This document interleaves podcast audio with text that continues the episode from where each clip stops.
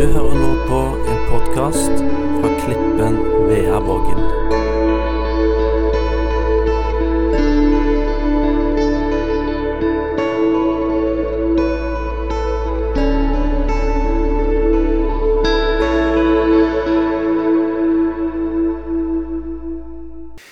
Og I dag så er rett og slett overskriften i det som jeg skal dele, det er 'Den feilfrie gudstjenesten'. Hvordan i alle dager ser en feilfri gudstjeneste ut? Tenk hvis du kunne fått lov å bestemme gudstjeneste akkurat etter ditt ønske. Den komplette, perfekte gudstjeneste. Hvordan ser den ut? Jeg er sikker på at Hvis vi tok en liten høring rundt, eh, rundt i rommet her, så hadde det vært elementer du hadde kjent igjen, og så hadde vi hatt litt forskjellige betoning. Personlig ville jeg tenkt at Hvis det var gripende forkynnelse, gjerne krydra med litt humor, da ville jeg synes det var veldig bra. Og så lovsang etter min smak og min stil, det ville være bra. Og så en inspirerende innledning à la den Kristin ga oss. Kanskje noen vitnesbyrd opplevelsen av Guds nærvær. Og du ser for deg sikkert hvordan den ideelle drømmegudstjenesten din ser ut. Mens du grubler litt på det, og den bare henger litt der fordi jeg skal prøve å svare ut litt mer hva den perfekte eller den feilfrie gudstjenesten er, men mens den henger litt der, så har jeg bare lyst til å ta en liten sving innom en kollega av meg som heter Runar Eldebo, som er pastor i Sverige og en forfatter som har skrevet ei bok der han egentlig la vekk alle bøker han vanligvis leste, og så var han bare i Bibelen, og så var det hans daglige andaktsliv som var utgangspunktet. Og mens han eh, satt og leste i sin bibel, så zoomte han inn på alt det Jesus sa, og det Jesus gjorde. Og Det endte opp med en analyse der han prøvde å se hva var det Jesus egentlig var opptatt av når han var på denne jorda og tjente. Hva sa han? Hva brukte han tid på? Og Så landa han ned i at det var fem hovedområder Jesus brukte sin tid og oppmerksomhet til. Og Han fant fram fem sånne markeringstusjer som han da begynte å streke i Bibelen sin og si at hvis det var denne kategorien, så var det den fargen. Var det denne kategorien, så var det denne fargen. Og han endte opp med at eh, disse fem kategoriene var da nummer én det var at Jesus brukte tid på å ta et oppgjør med religiøse som gjorde det trangt for folk å oppdage Guds nåde. Fordi Det var ved flere anledninger at folk gjorde det så trangt og så smalt at Jesus sier noe om at vi trenger å utvide forståelsen og gjøre nåden mer tilgjengelig. Så Det var én kategori. Den neste kategorien Jesus brukte veldig mye tid på, det var å være folkelige. Det å gå rundt og prate med folk, ta tid, og ikke minst å spise. Noen har sagt det at Hvis du leser nøye om Jesus, ser det ut som han var, gikk fra måltid til måltid. Gjennom hele Nye testamentet så gikk han fra det ene måltidet til det andre. Og Han var veldig opptatt av det relasjonelle og det sosiale, å ta seg av folk. For det tredje så brukte han tid på det som var tydelig hans klare forståelse av oppdraget. Himmelriket og Guds rike. og Eh, Lukas kapittel 19 vers 10 er et sånn klassisk eksempel der Jesus sier jeg har kommet for å oppsøke og frelse det som er fortapt. Og Jesus brukte mye tid på akkurat det med å leve i det oppdraget han hadde fått av Gud som Guds sønn, å være verdens frelser. Den fjerde kategorien det var at Jesus var venn med det overnaturlige. Som betyr at eh, i ulike situasjoner der han møtte folk som eh, var halte, lamme, syke, plaga, så var Jesus en mirakelmann som kom inn og løste situasjoner. Og Så kom jeg til den femte, som egentlig er litt av poenget i dag. da. Det var det at Jesus brukte uendelig mye tid på de som var lavt på rangstigen, de som var sett ned på, de som var fattige, de som mangla en stemme. Jesus var en stemme for de stemmeløse. Og nå kommer jeg tilbake igjen til det som var min innledning. Hvordan ser den feilfrie gudstjenesten ut? Vel, for oss mennesker så kan vi nevne en del punkter vi ser for oss som en feilfri gudstjeneste. Men Guds ord svarer på hva den feilfrie gudstjenesten er for Gud. Og Det er det Jakob som skriver i Jakob kapittel 1 og vers 27. En gudstjeneste som er ren og feilfri i Gud, vår Fars øyne, er å hjelpe enker og foreldreløse barn i deres nød og ikke la seg flekke til av denne verden. En feilfri gudstjeneste for Gud, det er å strekke ut hånda si og bety noe for sin neste. Et av de stedene jeg fikk en skikkelig sterk aha-opplevelse rundt dette verset, var den første gangen jeg engasjerte meg i et misjonsarbeid som heter Vatoto. Jeg lurer på om dere kanskje har hatt besøk av de her òg? Har dere det? Ja, Med et barnekor og litt forskjellig. Jeg er styreleder i Vatoto, og første gangen jeg fikk lov å se arbeidet på nært hold i Uganda, da møtte jeg disse misjonærene, som er et canadisk eh, ektepar som nå er i 70-årene, som reiste ut på begynnelsen av 80-tallet. Idi Amin og opprør og krig og masse greier. Eh, og De fikk en klar tiltale på at de skulle starte ei engelsktalende kirke i eh, downtown, altså i sentrum av Kampala, Uganda. Denne kirka har vokst og blitt den største kirka i Uganda. Det er rundt 40 000 mennesker. Det er svære sammenhenger.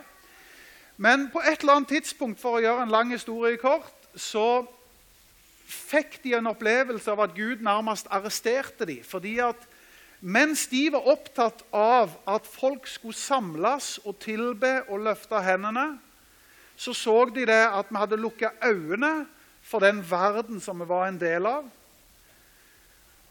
Og Dette verset kom til dem som en sterk åpenbaring og sier at hvis dere virkelig vil være kirke på ekte, så handler det ikke bare om å løfte hendene, men det handler om å strekke ut hendene.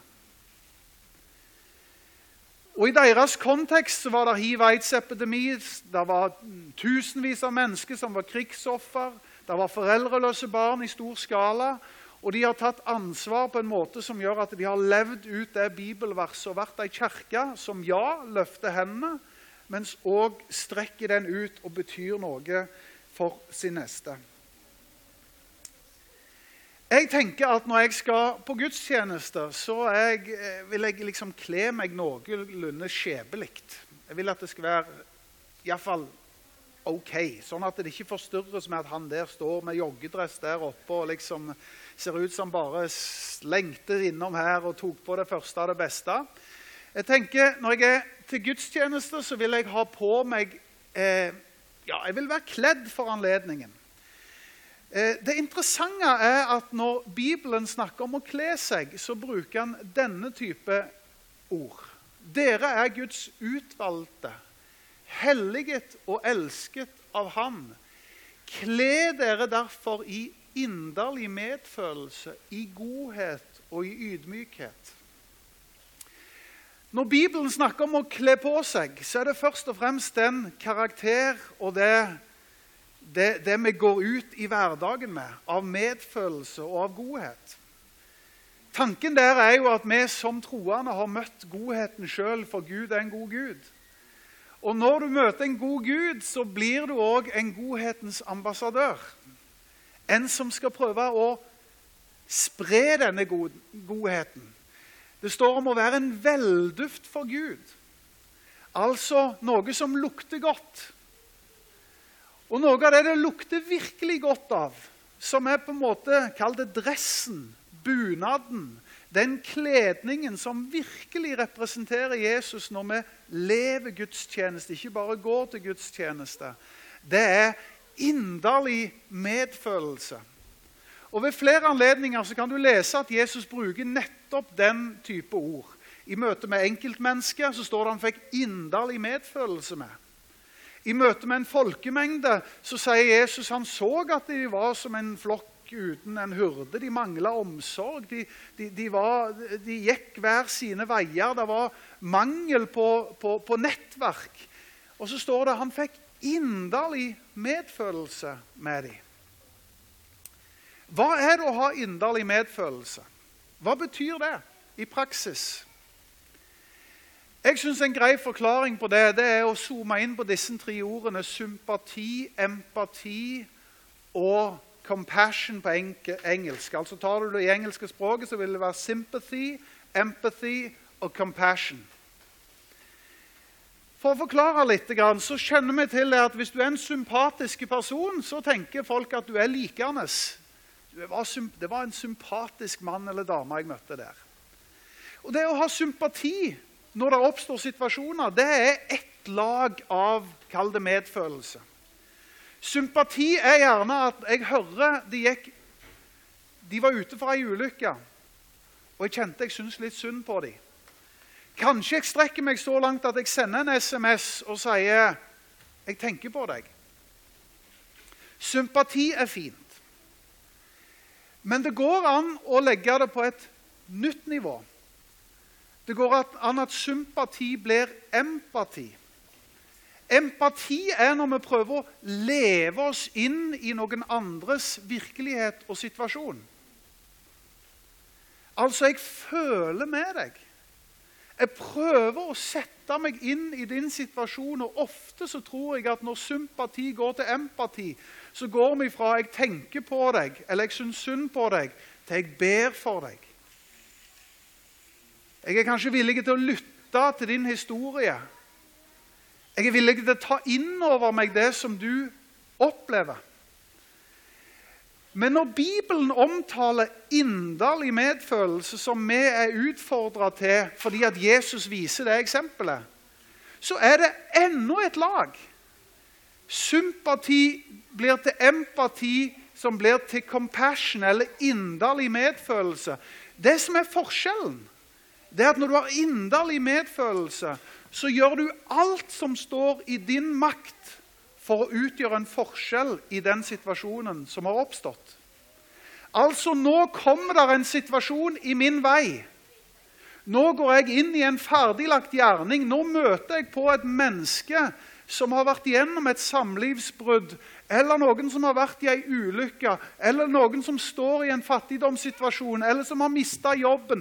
Jeg møter på en situasjon der jeg tenker ikke bare syns jeg synd på dem og jeg har lyst til å be for dem, men jeg skal utgjøre en forskjell i deres situasjon. Og Den sterkeste eksempelet på en sånn historie det er jo den historien som Jesus sjøl forteller i Lukas kapittel 10 om den barmhjertige samaritan. Det er et veldig godt eksempel på hva inderlig medfølelse er i praksis. For Der møter du på litt forskjellige religiøse grupperinger. En skulle jo tro at de som virkelig hadde tid til å stoppe opp og bety en forskjell, det var levitten og presten, det var de som var de religiøse eliten. De skulle en tro hadde tid til dette. Men som du husker fra historien, så rusher de forbi. Kanskje de har litt sympati, kanskje de kjenner litt på empatien. Men den inderlige medfølelsen som handler om at nå skal jeg utgjøre en forskjell i dette mennesket sitt liv, den var det samaritanen som hadde.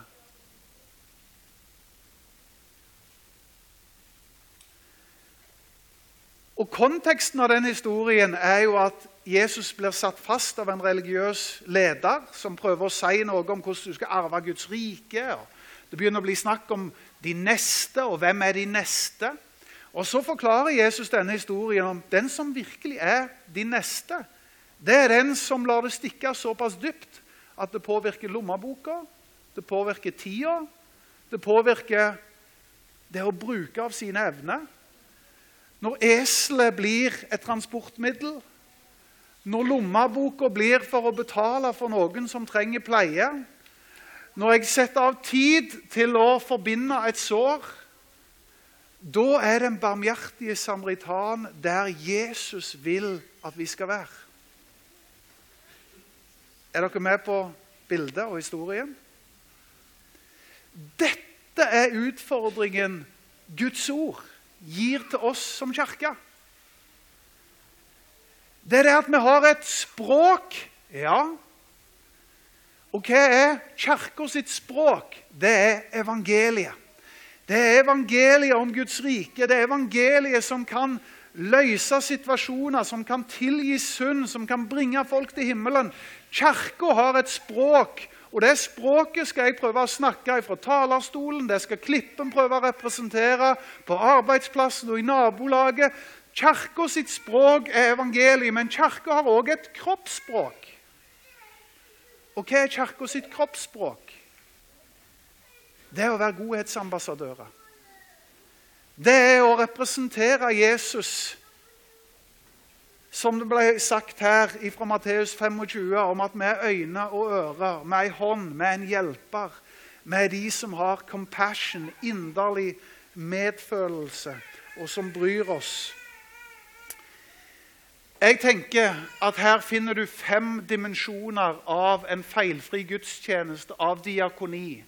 Den utfordrer oss for det første på det personlige plan. Den barmhjertige samaritan var en person. Det å være personlig engasjert i å utgjøre en forskjell, det er en utfordring som Guds ord gir oss. Jeg husker jeg møtte Ut ifra det jeg hører fra Kristin her, så tenker jeg at kanskje Kristin kan være Karmøys samaritan. Kanskje enda flere. Jeg fikk for noen år siden reise opp til Trondheim og på jakt etter diakonale gode tiltak og møte folk med et stort hjerte. Jeg møtte en kar i Trondheim som var i 60-årene eller kanskje han hadde nådd 70-årene, som eh, heter Walter. Walter Jarsson. Og Walter har en interessant historie. Når han var i 30-årene, hadde han jobbet allerede flere år i psykiatrien. Og han var på en sånn en eh, institusjon der det var krevende tilfeller. Og Han endte opp med å bli overfalt og slått ned. Og han ble, han, det var så dramatisk at han eh, han havna på sykehus og fikk varige men, han fikk psykiske plager. Og Han ble sjøl satt så ut at han ble uføretrygda og ble plassert på et hjem. Altså I en alder av 39 år så satt han på et sykehjem blant de som trenger hjelp til alt. Og Han var 39 år og langt på vei gitt opp, og, og, og det var fryktelige omstendigheter. Så forteller han at han får et kraftig møte med Gud Og opplever at Gud både setter ham fri og sakte, men sikkert Ting tar litt tid. Det er en helbredelsesprosess. Men han får et så sterkt møte med Gud at han plutselig begynner å få helt nye perspektiver til at alt handler om meg. Til at Guds godhet har møtt han, at nå vil jeg være en godhetens ambassadør. Møter du Walter, så ville du tenkt det må være verdens mest alminnelige menneske. Det var ikke noe ekstraordinært ved han hvis jeg skal være litt sånn menneskelig brutal. Stillferdige, fine mann som virka beskjeden og tilbaketrukket. Men som fikk et, en opplevelse av at Gud rørte ved hjertet hans på en sånn måte at han, han ble rørt til å berøre. Og Så fortelles det videre om Walter, og jeg får lov å se arbeidet. for Han starter det som heter Omsorgskafeen i Trondheim, som er et felleskristelig tiltak. Og akkurat som Kristin sier, herrene, så er det massevis av donorer og hjelpere og søknader og skriving, og de har holdt på nå i over 20 år. Et fantastisk arbeid blant ensomme, blant rusmisbrukere. De gir mat, de tilbyr samtaler. Et helt fantastisk diakonalt opplegg. Walter han har fått eh, prisen Årets trønder. Han har blitt kalt Trondheim samaritan. Han har fått tittelen Årets mest ålreite menneske. Bl.a. Jo Nesbø, som har skrevet alle disse bøkene, som, som, eh, som har eh, gitt han heder og kred. Og Sånne type sterke historier sier han at det er tydelig at folk bryr seg om alle disse titlene. Det betyr ingenting for meg, sier han. Det som er viktig for meg, det er å få lov å være en ambassadør for Jesus. Og Ofte så ser du at det skjer. Det er at Når vi tennes for noe personlig, så kan det gå fra den personlige diakonien til den mer organiserte diakonien. Og Det er jo der vi er som flokk, fordi vi kjenner nok alle som en at jo, men det er ikke alle som brenner like mye som Kristin. Men om alle ser at Gud har en ferdiglagt gjerning for meg Jeg trengte å få øynene opp for hvem mine ferdiglagte gjerninger var. For Jeg var travelt opptatt med å bygge kirke og, og, og, og, gjøre gudstjenester. sånn som Jeg ville jo ha feilfrie gudstjenester. sant? Jeg ville jo ha gode, perfekte gudstjenester. Mens noe av det som ble en øyneåpner for meg, det var at når det flytta inn en syrisk familie i nabohuset mitt Eller når eh, for noen år siden når en gjeng med mindreårige gutter kom over Middelhavet. De kom fra Eritrea og Etiopia. Og de landa i nabohuset der kommunen leide. og Det var et bokollektiv for fem gutter. Da trengte jeg å åpne døra mi og si Kom på middag hos meg. Når språket er en utfordring, og prøve å gi dem en innføring i språket. Når 16-åringen et par år seinere begynner å bli moden for å ta lappen, men mangler både bil og noen å øvelseskjøre med, så er det noen som må gjøre det. Dette tror jeg er å ha øynene åpne for at Gud leder deg inn i situasjoner der du kan få være personlig engasjert i diakoni. For oss ble noe av dette som vi opplevde personlig noen i menigheten, det ble til den organiserte diakonien som vi som menighet har. Og som menighet så så, så, må det være noen ting som vi kollektivt samler oss om. Som vi sier, enten det er ei godhetsuke, som det er for vår del, eller det er en internasjonal kafé som vi har. som som, Og nå har vi investert i ei dame som, som tar master i diakoni, rett og slett fordi at, som jobber hos oss, og vært med å lønne henne fordi at eh, vi vil så gjerne at Kirka skal få lov å bære med seg et diakonalt avtrykk. Dette reflekterer Jesus sitt hjerte, som har blitt en språkkafé, en internasjonal kafé. For vår del er det noe som vi kaller for Del en juleglede. Som da er type 80 familier som årlig får en pakke hjem, et besøk, en hilsen. Noen ender opp med gode samtaler, noen ganger blir det forbønn. Men det er først og fremst et håndtrykk fra himmelen og si nå skal dine unger òg, du som har blitt alenemamma og som ikke får dette til, nå skal du få lov å få litt ekstra gaver hjem. Litt ekstra greier på juletallerkenen. Og Hvis en jobber systematisk med dette med alle gode instanser, så kan dette bli til organisert diakoni. Og Det unner jeg alle menigheter å være i den organiserte diakonien. Organisert diakoni kan jo bli til profesjonell diakoni. og Jeg lukter at Heart begynner å nærme seg noe som også er profesjonelt. Evangeliesenteret er et uttrykk for profesjonell diakoni. Det er når det finnes mange gode initiativ rundt forbi, men så får du en størrelse der du får folk med kompetanse og erfaring, og du får et nettverk, og så får du noen som kan dette og gjør det på en profesjonell måte. I Norge har jo mye av den profesjonelle diakonien landa hos staten. Det er Nav vi går til, og det er de ulike stedene. Og det er jo fint at det er på en måte stat som gjør noe. Men det viser seg jo igjen og igjen at Kirka har et særlig oppdrag fordi at vi ikke bare er skjema og byråkrati, men det er hjertelag. Og den historiske diakonien kommer jo nettopp ifra Kirka. Og Du ser hvordan den preger den første menighet i apostelgjerningene kapittel 6. Så kan du lese om diakonien som begynner å blomstre fram. fordi at I Jerusalem så var det en menighet. Og Det var fryktelige forhold i storbyen i Jerusalem på den tida. Snittalderen sies å være rundt 30 år. Skjønner dere? Folk døde veldig tidlig. Hvorfor gjorde de det? Fryktelige boforhold. Epidemier. Dårlig hygiene. Elendig vannkvalitet. Hva er responsen fra Kirka når du leser i apostelgjerningene? Jo, det er jo det at vi må ta oss av de fattige. Vi må gi mat til de som mangler mat. Og Så begynte de å organisere det, og de begynte å ta ut noen av de beste menn de hadde, for å nettopp ta seg om den delen av tjenesten. Dette må vi gjøre som menighet. Og så kan vi takke Gud for at ting har blitt profesjonalisert. Og Den fjerde formen for diakoni det er det vi kan kalle for en profetisk diakoni. Det er jo noen som får en særlig oppgave for en særlig tid. Å snakke inn i en tid. Enten det er Martin Luther King som får en opplevelse fra Gud at den segregeringen og den raseskillet og rettighetene til de mørke som ikke fantes, så skal jeg være en talsmann inn i det. Reist opp av Gud for en tid for å utgjøre en forskjell. Eller det er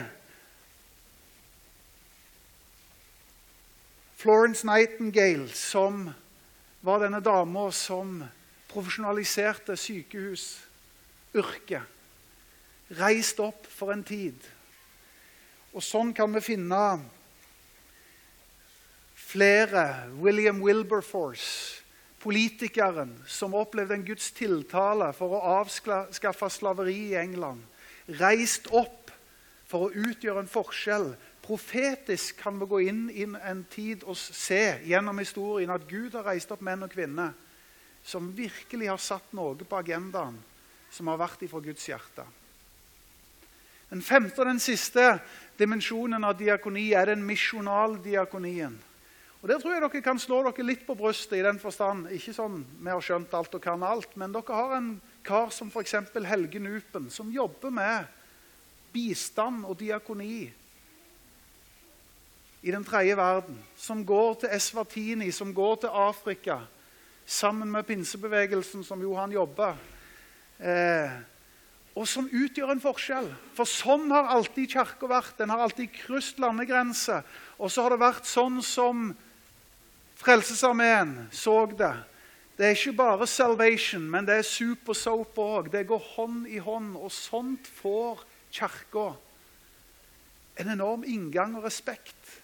Nettopp fordi at vi ser hele mennesket, og vi sier ikke noe som er enten-eller, men det er et både-og. Jeg er overbevist om, og har sett det veldig tydelig, det er det at alt vi gjør som lokal menighet tilbake igjen på Hommersåk. så kan jo jeg tenke at vi har et fantastisk lovsangsarbeid. Eller se på den søndagsskolen. Eller se på de lokalene vi har. Eller de tingene som jeg tenker det skinner av. Men i nabolaget, i den politiske verden, i media så kunne de ikke brydd seg mindre om alt det. Det er ikke på radaren i det hele tatt. Men når det er del en juleglede, når det er godhet, når det er at du lager tilbud til flyktninger, til fattige, ja, da sperrer verden opp øynene, og så ser de dette gjør de av hjertet. Det er ikke fordi det er en stat med x antall tusen ansatte som har fått i oppgave, men det er fordi det er hjertes engasjement. Fordi vi har blitt grepet av noe. En inderlig medfølelse.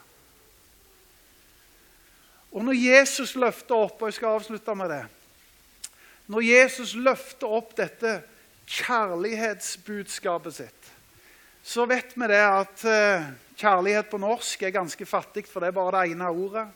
Så jeg elsker både kebab og kona i samme setningen omtrent. Og da skjønner vi at det er, jeg håper du elsker kona mer enn du elsker kebaben.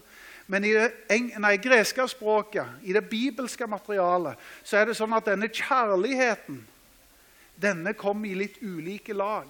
Det er en dimensjon som heter eros, erotisk, seksuelt, sensuelt. Det å bli betatt av, det å det å bli følelsesmessig engasjert. Kall det ansikt-til-ansikt-kjærlighet. Så fins det en guddommelig kjærlighet, agape, som kan oversette med fiendekjærlighet. Tenk deg å elske selv din fiende. Men så fins det det som heter filio, som er den der broderkjærligheten. Nesten. Så mens Eros er ansikt til ansikt, så er broderkjærligheten skulder til skulder. Mens Eros er nakne kropper, så er Filio nakne personligheter. Det at vi ser på det som er vondt i samfunnet, og lar oss gripe. Og sier vi vil være med og utgjøre en forskjell. La dette være mine siste ord. Min oppdagelse er at kristendom er mer praktisk enn kanskje jeg først tenkte. Og Av og til i en forsamling med flere hundre mennesker så kan du liksom sense at det er noen som er litt mer sånn åndelige enn de andre. Jeg, vet ikke om dere, jeg skal ikke peke ut noen herrer, jeg kjenner dere ikke godt nok, men, det, men sånn kan jeg kjenne igjen det. Det er liksom noen som er på ei åndelig linje. Og det er fint. Det er de som er ivrigst på bønnemøter, og de som eh, vet at Herren taler og vil virke i nådegaver. Jeg skal ikke sette det opp mot noe som helst. Jeg ønsker selv å være på den linja. Poenget mitt er å si at Bibelen viser oss ganske tydelig at det mest åndelige du kan gjøre, det er å bry deg om de neste. Altså, åndelig kristendom er veldig praktisk. Det som er virkelig åndelig, det er å strekke ut sin hånd til noen som trenger det. Det er å kjenne at den godheten som Jesus representerer, den kan jeg få lov å bære med meg. Sånn at når det kommer ferdiglagte gjerninger i min vei Og vi kjenner det igjen fordi vi vet det så inderlig godt. Når de massivt med inntrykk og massivt med påvirkning og media og nyhetsbilder, så pøses det jo inn, og vi klarer ikke å absorbere alt av grusomheter. Og vi kan ende opp med å bli litt sånn immune. Så det er for Gud gjør noe med hjertet mitt. La det få lov å være mykt. La meg få lov å ta inn over meg den situasjonen som naboen eller kollegaen eller de i nabolaget der jeg trengs. La meg få lov å gå ifra sympati til empati og ifra empati til compassion, til inderlig medfølelse. Dette er Jesus sitt hjerte. For Karmøy, for Vea skal vi reise oss opp i sammen.